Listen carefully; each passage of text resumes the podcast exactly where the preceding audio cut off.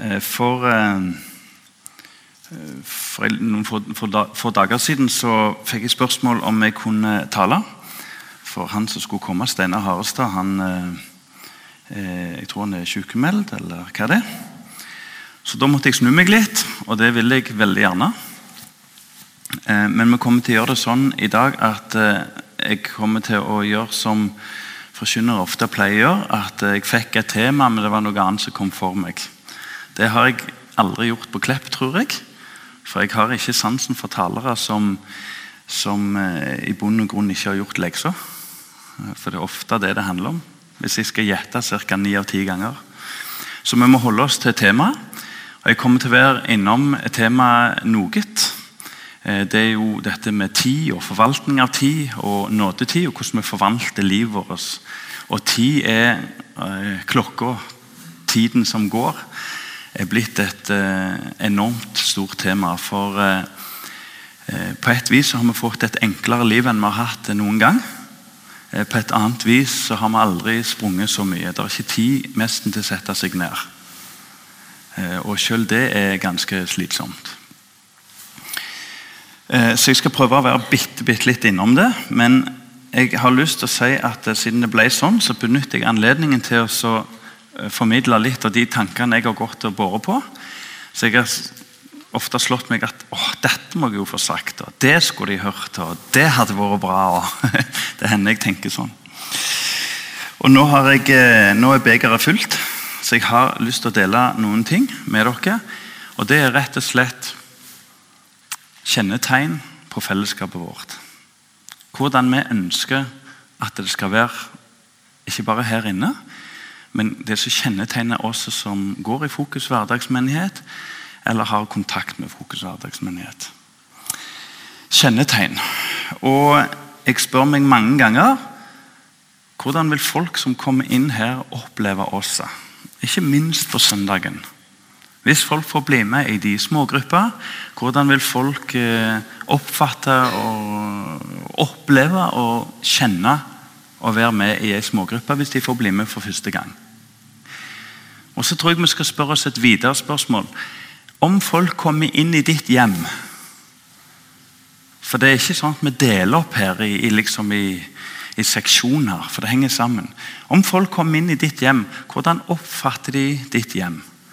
Og aller mest de som bor der.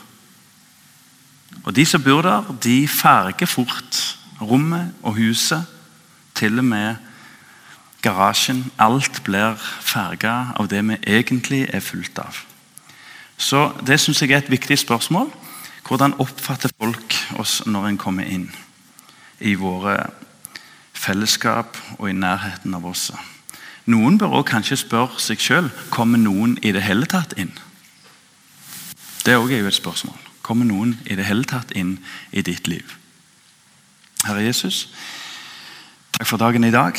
Takk for dette fantastiske vitnesbyrdet som satte brann i meg, Jesus. Du er konge, og du skaper og du fornyer. og Ingen er som deg, for det er kun du som kan gjøre ting nytt. Vi, Herre Jesus, du avslår oss med lapper og reparerer og limer. Du, Herre, du gjør nytt og skaper liv. Det takker vi deg for. Jeg ber, Herre, om at vitnesbyrdet setter brann i oss, så vi smittes videre ut. I Jesu navn. Amen. Ja. Eh, jeg har med en lysestake. Jeg, har, eh, jeg, jeg, holdt på å si, jeg føler meg litt som en prest for noen år siden som måtte gjøre nesten alt. I hvert fall så en kunne se. Kan noen hjelpe meg med fyrstikker? Her? For det har jeg jo ikke tenkt på. For Jeg har med en lysestake. Så det sier Siren med en. Um, og Den er det åtte lys på. 1, 2, 3, 4, 5, 6, 7, 8. Det skulle jo aller helst vært sju, siden vi har sju punkter. Og Det er liksom litt mer hellig med syv enn åtte. Men jeg tenker at nå tenner jeg syv lys. Og så får det være et vitnesbyrd om at det står et utent lys. Og det får være et lys for alle dine tanker som jeg ikke tar med. F.eks. i dag så nevner jeg lite om ytremisjon. For eksempel. De fjerne strendene, det store oppdraget over alle ting Det som skulle sitte i ryggmargen på oss. Jeg nevner ikke noe om det i dag. Bare nå. Og Da kan det være ditt lys. Så får du, holdt jeg på å si, og Dette er ikke en, en offisiell programerklæring hva fokus står for. Det er løse og spredte tanker på, på golleggervis om hva jeg syns kunne vært viktig at det er iblant oss, og hvordan vi tenker også om oss sjøl. Ok, hvis vi får opp det første punktet Kan få opp overskriften først. Eh, og vi har noen flotte bibelvers i dag. Eh, syv kjennetegn på vårt fellesskap. Første punkt kan vi få. Jeg ønsker og ber om at eh, vårt fellesskap skal være en åndelig oase. Over alle ting. En åndelig oase. Som en brønn, som en fjellbekk. Og når vi har vært virkelig tørste, som vi aldri egentlig omtrent har prøvd, dødstørste i Norge Jeg tror kanskje ingen her har opplevd det. Da får du fortelle det. Og det å finne vann, det er noe veldig dypt. Jeg ønsker at når folk kommer inn her, så er det fullt av mange ting. Men først og fremst så blir folk trøsta ved Guds ord. Fornya. En får kunnskap. Det er plass for ulike former for legedom og helbredelse. Det er plass til formaning. Det er plass til ettertanke. Det er plass til glede i Kristus. og Sånn kunne vi fortsette ca. i syv uker. Men at når vi kommer inn her, så går vi berika ut. Når mennesker kommer inn i smågrupper, de, så er det mange fine ting den kvelden inneholder. Men først og fremst så går folk hjem, og så er de berika av Guds rike. Videre så kan vi lese fra Jeremias kapittel 2 vers 13. Vi hadde det akkurat ett tilbake. Jeremias 2, eh, 13. Det er mange brønner i livet. Og Her skisseres to. To onde ting har folket mitt gjort. De har forlatt meg. Vi fikk høre litt om det når en kom på avstand og forlater. Kilden med det levende vann og hugget ut seg brønner. Så tenker jeg, er det noe problem? Altså, De hogger brønner. Sprukne brønner som ikke holder vann. Livet har utrolig mange brønner. Og I utgangspunktet så var de tingene Gud har å gi oss i det hverdagslige, det var Guds velsignelse og mening for oss. Men så viser de seg etter hvert å være sprukne brønner. For vi har forvrengt det og ødelagt det og misbruker det. Jeg ønsker at et kjennetegn på oss som går her, er at eh, vi ikke er så opptatt først og fremst av å drikke av sprukne brønner. For de holder vann når det regner, og en god stund etterpå, men ikke evig. Og da er de tørre. Og da er skuffelsen stor. Og Det som kjennetegner menneskeslekta på jord, inkludert meg og deg, det er det at vi har en natur som når den brønnen er tom, så går vi til neste. For det går jo bra. Det er jo bare å finne en ny brønn, helt til den går tom. Men når vi samles her, så kan vi få neste bibelvers. Så kjennetegnes det vel noe helt annet. Men den som drikker av det vannet jeg vil gi, skal aldri mer tørste. For det vannet jeg vil gi, blir i ham en kilde med vann og så hør, som veller fram og gir evig liv. Det er en brønn det er en åndelig brønn som aldri går tom. Og Den brønnen heter Jesus Kristus, og den sentreres i korset og Golgata-oppstandelsen. Så la oss aldri glemme fokus om mange viktige oppgaver. Først og fremst er vi en åndelig oase. Du kommer her, og du går, og du er berika. Å møte Fokus er i bunn og grunn å møte Jesus. Fader, Sønn og Hellig Ånd. En livskilde. Og så ønsker jeg, hvis jeg fikk bestemme i et våkent øyeblikk Jeg ønsker at det dannes en forventning til oss. Til forventning til fellesskapet, mener jeg. som igjen har en forventning til Jesus Kristus, og at han vokser, og at vi avtar. Jeg reiste litt med Marit Irene, ikke veldig lenge. Jeg tror ikke det hadde gått for noen av oss. Men det var en fantastisk undervisning. To vekkelsesevangelister. Masse mennesker har blitt kristne. Og jeg har tenkt mange ganger de to der For de er ganske alminnelige damer. De to der. Og vi er på hundrevis og tusenvis av mennesker som har møtt dem i forkynnelse, og så har det skjedd store ting. Hva kjennetegner det? Første kvelden snakker de om bønn. Andre kvelden om forventning. Hvis du rokker med det, så er du ute. Det er akkurat som å legge seg ut med sir Alex Ferguson. Du rokker ikke med hans idé, du er ute. Bønn, forventning. Basta, bom, ferdig. Hvorfor det?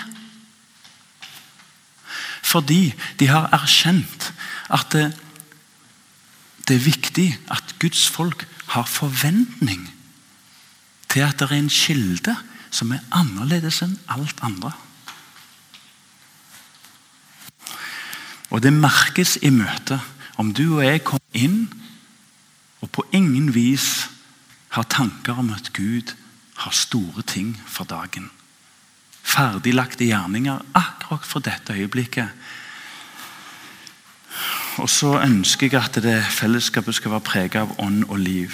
At en åndelig oase er preget av ånd og liv. Hvis vi får eh, Ja, vi kan gå videre til neste. Jeg ønsker eh, Nå skulle vi jo tent et lys, men jeg tror rett og slett ikke vi tar oss tid til det. Så får vi tenke det. Det er på Aslak vis, det. Tydelig fellesskap. Jesus svarte, 'Den som elsker meg, vil holde fast på mitt ord.' Den som elsker meg, vil holde fast på mitt ord. Tar du den? Jeg tror vi lever i ei tid med en utvanna og forvrengt kristendom i Norge i dag. Da kommer folk fra andre verdensdeler og er rysta over landet vårt. Det tror jeg vi må innse. For de kommer uten den eller den tanken. Og det de ser, er jeg redd for stemmer mer enn vi liker å tro. Vi er i ferd med å bli et utvanna og få en utvanna og forvrengt kristendom. Gid, det var ikke kristendom. Jeg var For noen dager siden i Sauda. Det hørte jeg en som heter Espen Gya. Han har en blogg. Den syns jeg du skal gå og lese, for den er det mange kristne som har venta på. I bunn og grunn en argumentasjon for å svare ja til en ny samlivsform som er helt fremmende, som er direkte avvist i Bibelen. Og En bibelsk argumentasjon som, så langt jeg kan se, er et eneste stort bedrag og et misforvrengt sammenheng og sammensetning av teologi. Jeg ønsker at fokus, ikke bare i akkurat det som er oppe nå, men i alle ting, er et tydelig fellesskap som lever etter tanken om at den som elsker Jesus, han holder fast på Jesu ord. Og Når du og jeg leser Guds ord, så leser det med kjærligheten til at her er det en god tanke for meg. Hvis du og jeg begir oss inn på tanken om at jeg mener, jeg syns, jeg har møtt en person, og han personen han har jo steinen i skoen, så det er han som vet hvor han, trekker, hvor han trykker. Da lytter jeg til han, og så definerer han mot etikk og moral, frelse, fortapelse, evig liv, eller hva det skal være. Det blir helt galt. Det blir helt galt, og det er kirkehistorisk kjempeille. Ehm, den som elsker meg, vil holde fast på sitt ord. Jesus kjennetegnes Johannes 14, eh, ja, Jesus kjennetegnes ved at han var både tydelig og kjærlig på en gang. Tenk på den rike unge mannen. Jeg tror Det er et av de beste eksemplene vi har. Det står at han fikk omsorg for mannen. Han fikk vondt av han, for han så igjennom han. Men så var det et lite problem det var det at han hadde noen ting som han ikke ville selge. Det kunne han ikke gjøre. Det var noen ting mellom han og Gud. Noen ganger er det materie, andre ganger er det tanker, tredje ganger er det bitterhet. Og sånn kan vi fortsette. Det var noe mellom han og Gud, og så står det at han gikk bedrøvet bort. Og så ser vi at Jesus lot han gå. Jesus spurte ikke hvor er steinen i skoen din, i den forstand at da lager vi et opplegg som passer for deg. Han òg måtte bøye seg for kongen, som sto rett foran ansiktet sitt. Han hadde stor omsorg for ham, himmelsk omsorg. Og Samtidig så hadde han så stor omsorg at han hadde et nytt liv for ham, men det ville han ikke ha. La oss være et fellesskap som er tydelig, og som åpner Guds ord i den ånd at vi spør har du noen flere gode tanker for meg og min familie og vårt liv og vårt fellesskap. Eh, bekjennelse. Du kommer ikke utenom bekjennelse. Den norske kirke er jo en bekjennelseskirke. Har du tenkt på det? Det er ikke alle kristne fellesskap som er det, men den kjennetegnes ved at det er en bekjennelseskirke. Det har vært viktig for å stå imot eh, vranglære. Så har en til enhver tid bekjent. Da har du trosbekjennelse, du har synsbekjennelse eller erkjennelse. kan en gjerne også eh, Å bekjenne det betyr egentlig å si det samme som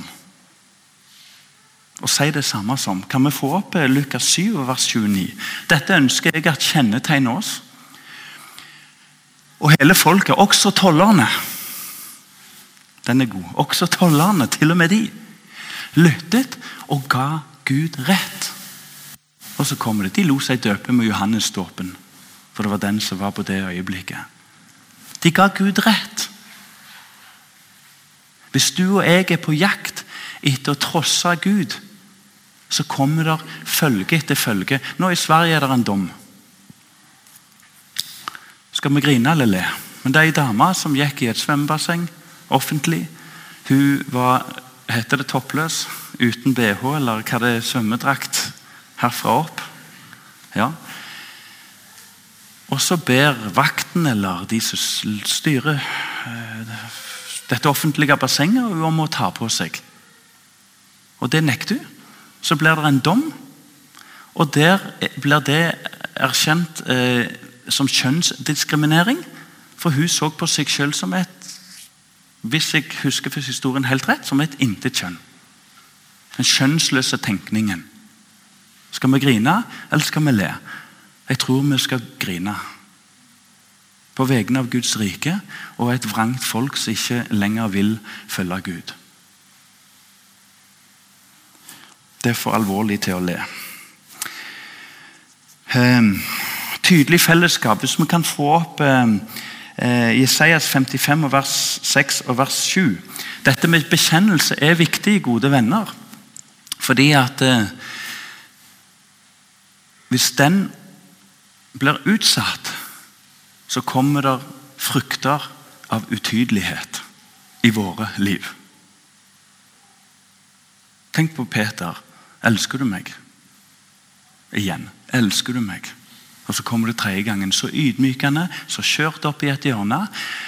Men når bekjennelsen kom, så var det òg han som fikk en spesialhilsen på Jesu oppstandelsesdag. En hilsen til han som bekjente, men falt.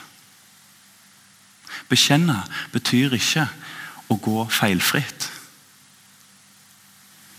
Men det blir galt når du og jeg begynner å er opptatt av tusen menn. Her står det her Søk Herren mens han er å finne, kall på Han når han er nær. Den urettferdige skal vende seg bort fra sin vei, ugjerningsmannen fra sine tanker, og vende om til Herren, som vil vise barmhjertighet til vår Gud, for han er rik på tilgivelse. Det er noe viktig med det å bekjenne Gud i fellesskapet vårt. Fordi at det, vi vet kun om dette øyeblikket. Det skal kjennetegne oss. Vi vet kun nå. Det er ikke sikkert du får sjansen til å bekjenne Jesus er Herre. Guds ord er godt. Guds ord er rettferdig. Det er ikke sikkert du får sjansen til det i morgen. Um, I uh, Johannes kapittel 9 så kan du lese om, om noen som bekjente at Jesus var Herre. Nei, de bekjente at Jesus var Messias. Her må vi være presise. Vet du hva det står? At I synagogen så ble de enige om at eh, de som bekjente Jesus som Messias, skulle bli kasta ut av synagogen. Og Så fortsetter Jesus videre, eh, så fortsetter Johannes videre å snakke om lidelse som følger med de som bekjenner. Og Så sier Paulus nå er jeg litt usikker på hva det står, men han oppfordrer de troende til å stå og leve i lidelsen. For det er det som fører til seier. Bekjennelse, og så kommer glede og lidelse. Litt i om og i dom, litt begge deler og litt mye av én ting for en kristen i livet. Og så kommer seieren. Stå i dette, sier Paulus. Jeg ønsker at fellesskapet skal være et frelsende fellesskap. Frelsende fellesskap. Um, hvis vi skifter den Og um, Ja, vi kan ta neste. Frelsende bekjennelse. Der er han, ja. Um, Apostelgjerningen 2. De lovet Gud å være velset av hele folket. Og hver dag la Herren til nye som lot seg frelse. I dag fikk vi en smak. Men vi ønsker å se akkurat dette.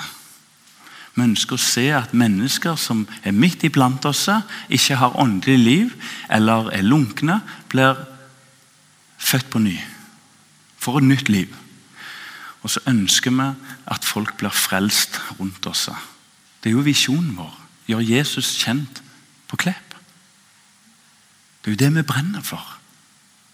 Og Når folk kommer inn her Tenk om de ikke erfarer akkurat det. At her er det noen som har en helt spesiell gave. Dette er noe helt annet. Er dette òg for meg? Sant? Og jeg må nok si at jeg spør meg av og til hvordan kan vi være så mange? For vi har vært velsigna i fokus. Det kommer flere og flere. Det har jeg et veldig ydmykt forhold til. Jeg skulle gjerne sett enda flere. Men jeg spør meg hvorfor blir så få frelst? Den type dårlig samvittighet har vi ikke vondt av. Hvorfor blir så få frelst? Men i dag er det en gledens dag. Jeg ønsker et identifiserende fellesskap. Identifiserende og begeistra fellesskap. Vi kan få neste. Og det jeg tenker med det, er at eh, når vi samles her, så skulle jeg gjerne sett en glede. Ikke den. Ikke den ikke den tilgjorte gleden eller den tilgjorte sakkmodigheten.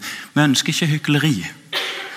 Men vi ønsker en glede og en begeistring i Jesus Kristus. Det er ikke alltid så lett å se.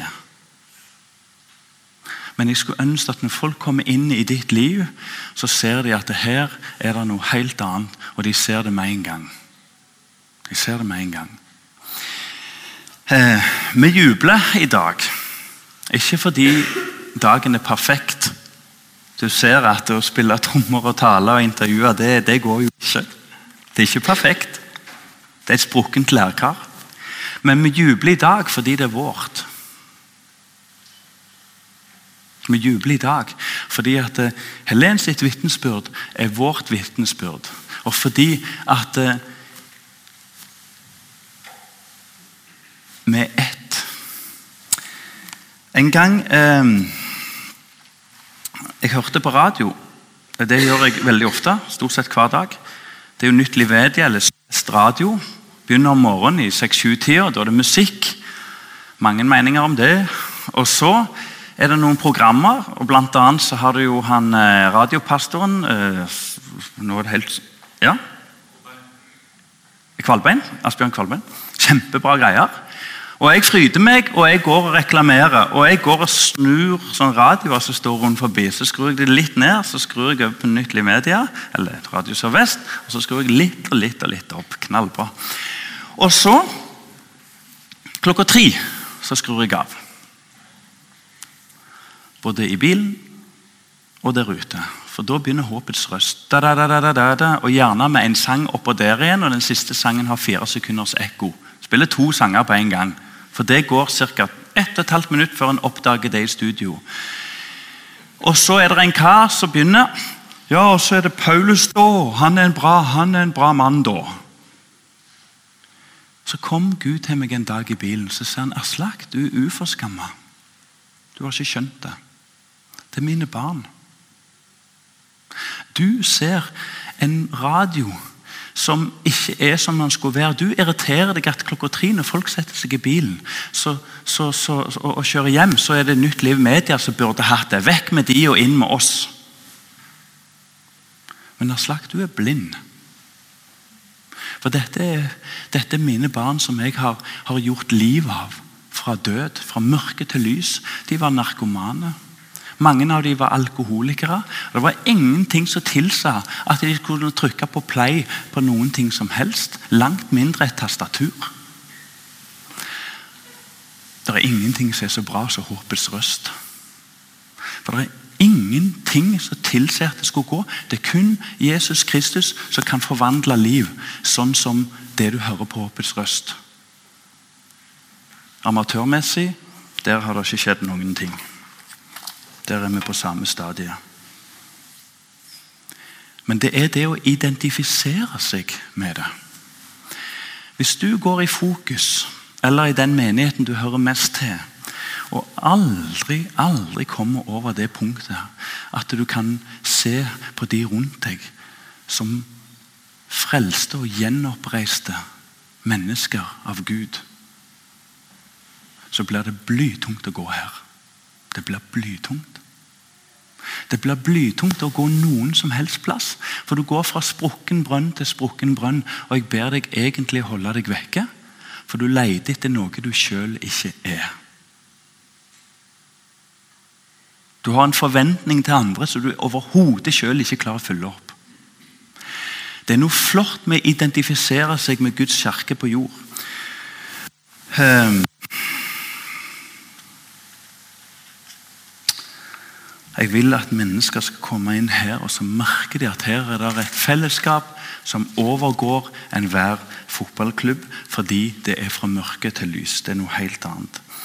Og Så håper jeg at eh, vi kan få et eh, identifiserende, begeistra fellesskap som er relasjonelt. Vennskap. At når folk kommer inn her, så har vi et sånn et sensitivt fellesskap det er noen iblant oss, men det har ingenting nødvendigvis med evner å gjøre. Det har ikke med nådegaver å gjøre. Det har med oppdragelse i Guds rike å gjøre. Det er å være sensitiv på ditt vis. Det å se er det noen her som er meint for meg. Ja. Tenk for et fellesskap vi får da. Eh, neste punkt. Eh, kraftfullt fellesskap. Gjennomslag. Jeg er håndverker, så det liksom går i sånne ord, da. Men eh, eh,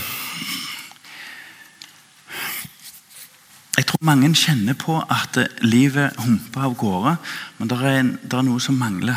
Det mangler kraft, det mangler forskjell, det mangler endring i og rundt mitt liv. Jeg tror det er noen som kjenner seg igjen.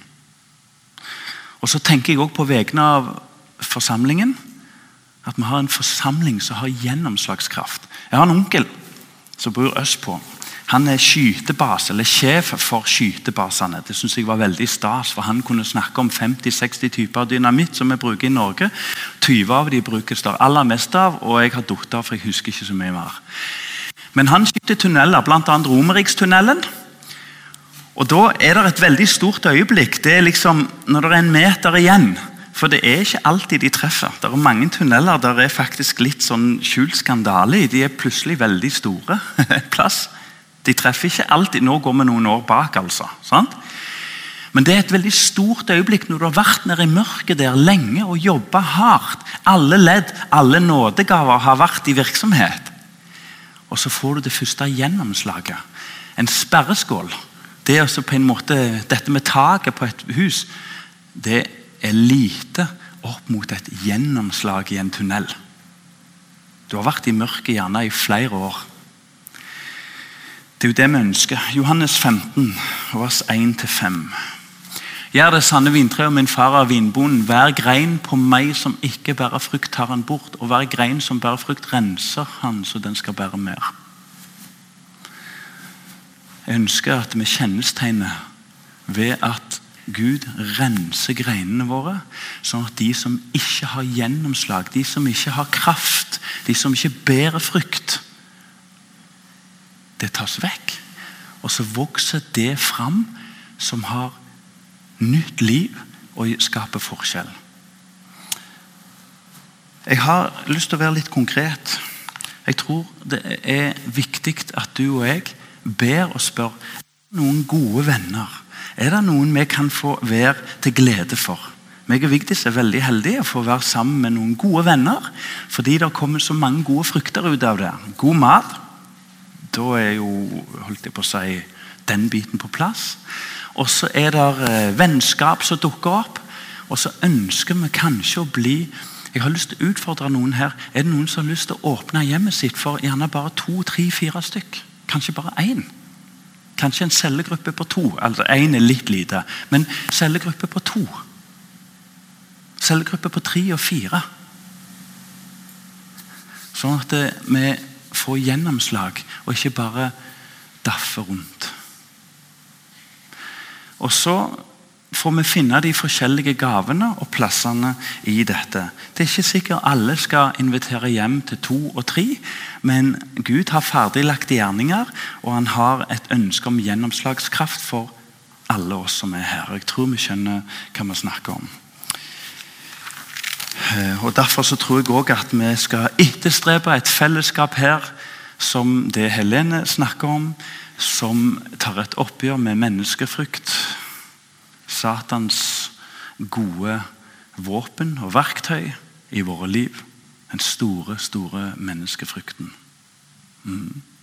Men her må det bønn og Helligånds hjelp og veiledning til. Det nytter ikke, og det er ikke gymnastikk, dette. Øyeblikk ferdig her nå. Tjenfullt, eh, tjenende og givende eh, eh, fellesskap. Givende det er egentlig litt sånn morsomt ord, for det er jo et sånt ordspill. da, sant?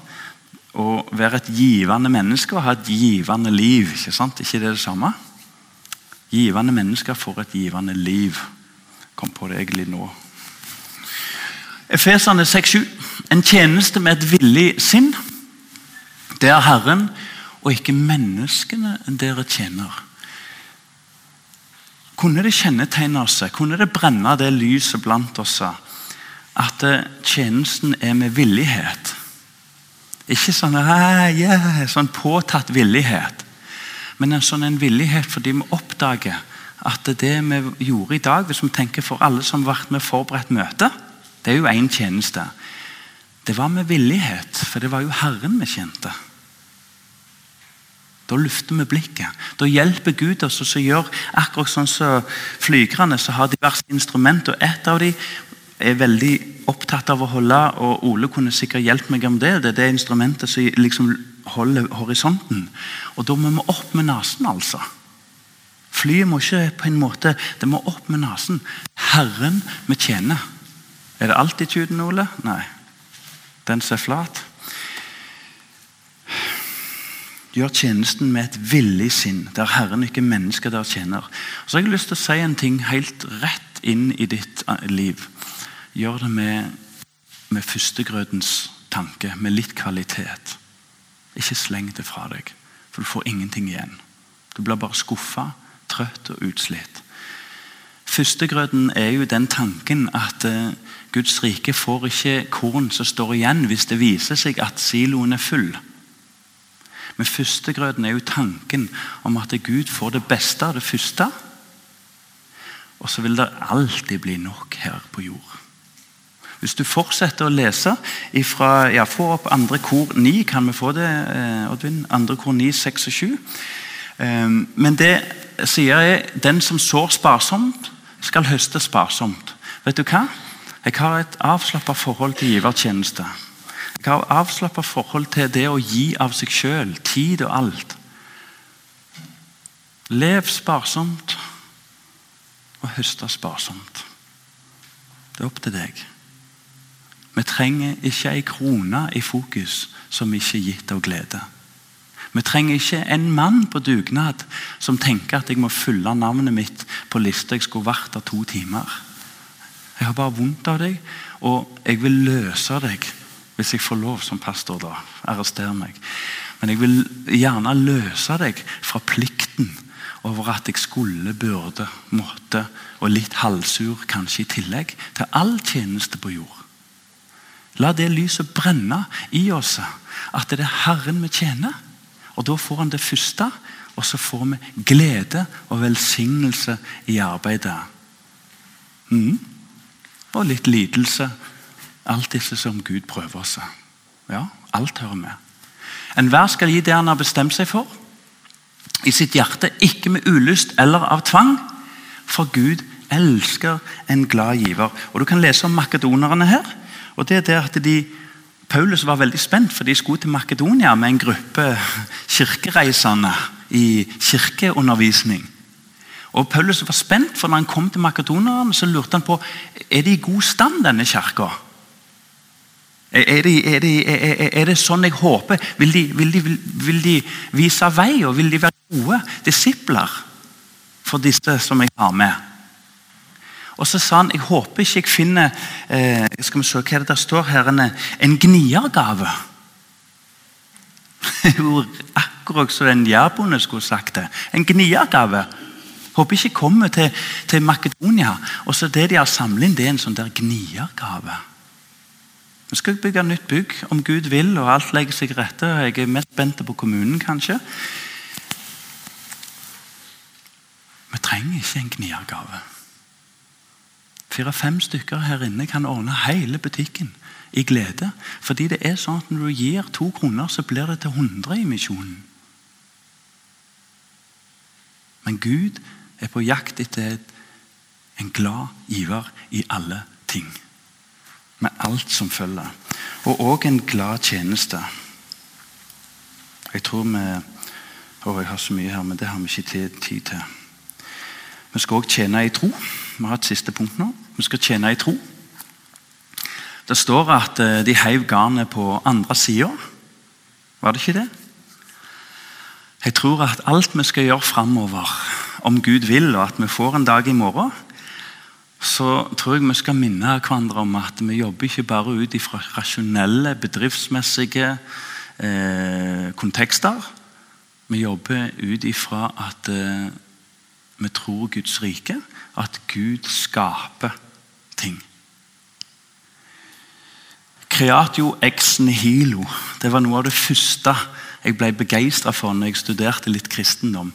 Creatio ex nihilo. At det Gud ut av ingenting skaper. Det som er dødt, det blir liv, altså. Og hvis Gud har planer for mitt og ditt liv, så skal vi gå i tru. Hvis, du, hvis Gud har lagt et menneske på, på, hjertet ditt, så skal vi få slippe å først og fremst være superpedagoger. Først og fremst være eh, Billy Graham eller, eller, sånn og sånn. og sånn. Vi skal få tro at Gud gjør underet. Om Gud leder seg til å, å, å bygge et, et, et, påbygg Nå skal en huske at Det kan ikke Fokus bestemme, bare så det er sagt. Det er et bedehusstyre som styrer med det. Men, men, vi skal ikke bygge det først og fremst ut fra om vi har råd eller ei, for det har vi. Det er bare spørsmål om gnierskap eller ei. det. Så det er kjempeenkelt. Men vi skal bygge om Gud gir oss tru for det. Ja. La oss avslutte med siste ting. Og Da er sikkert alle enige om at det var spredte tanker. det. Men det var det det skulle være.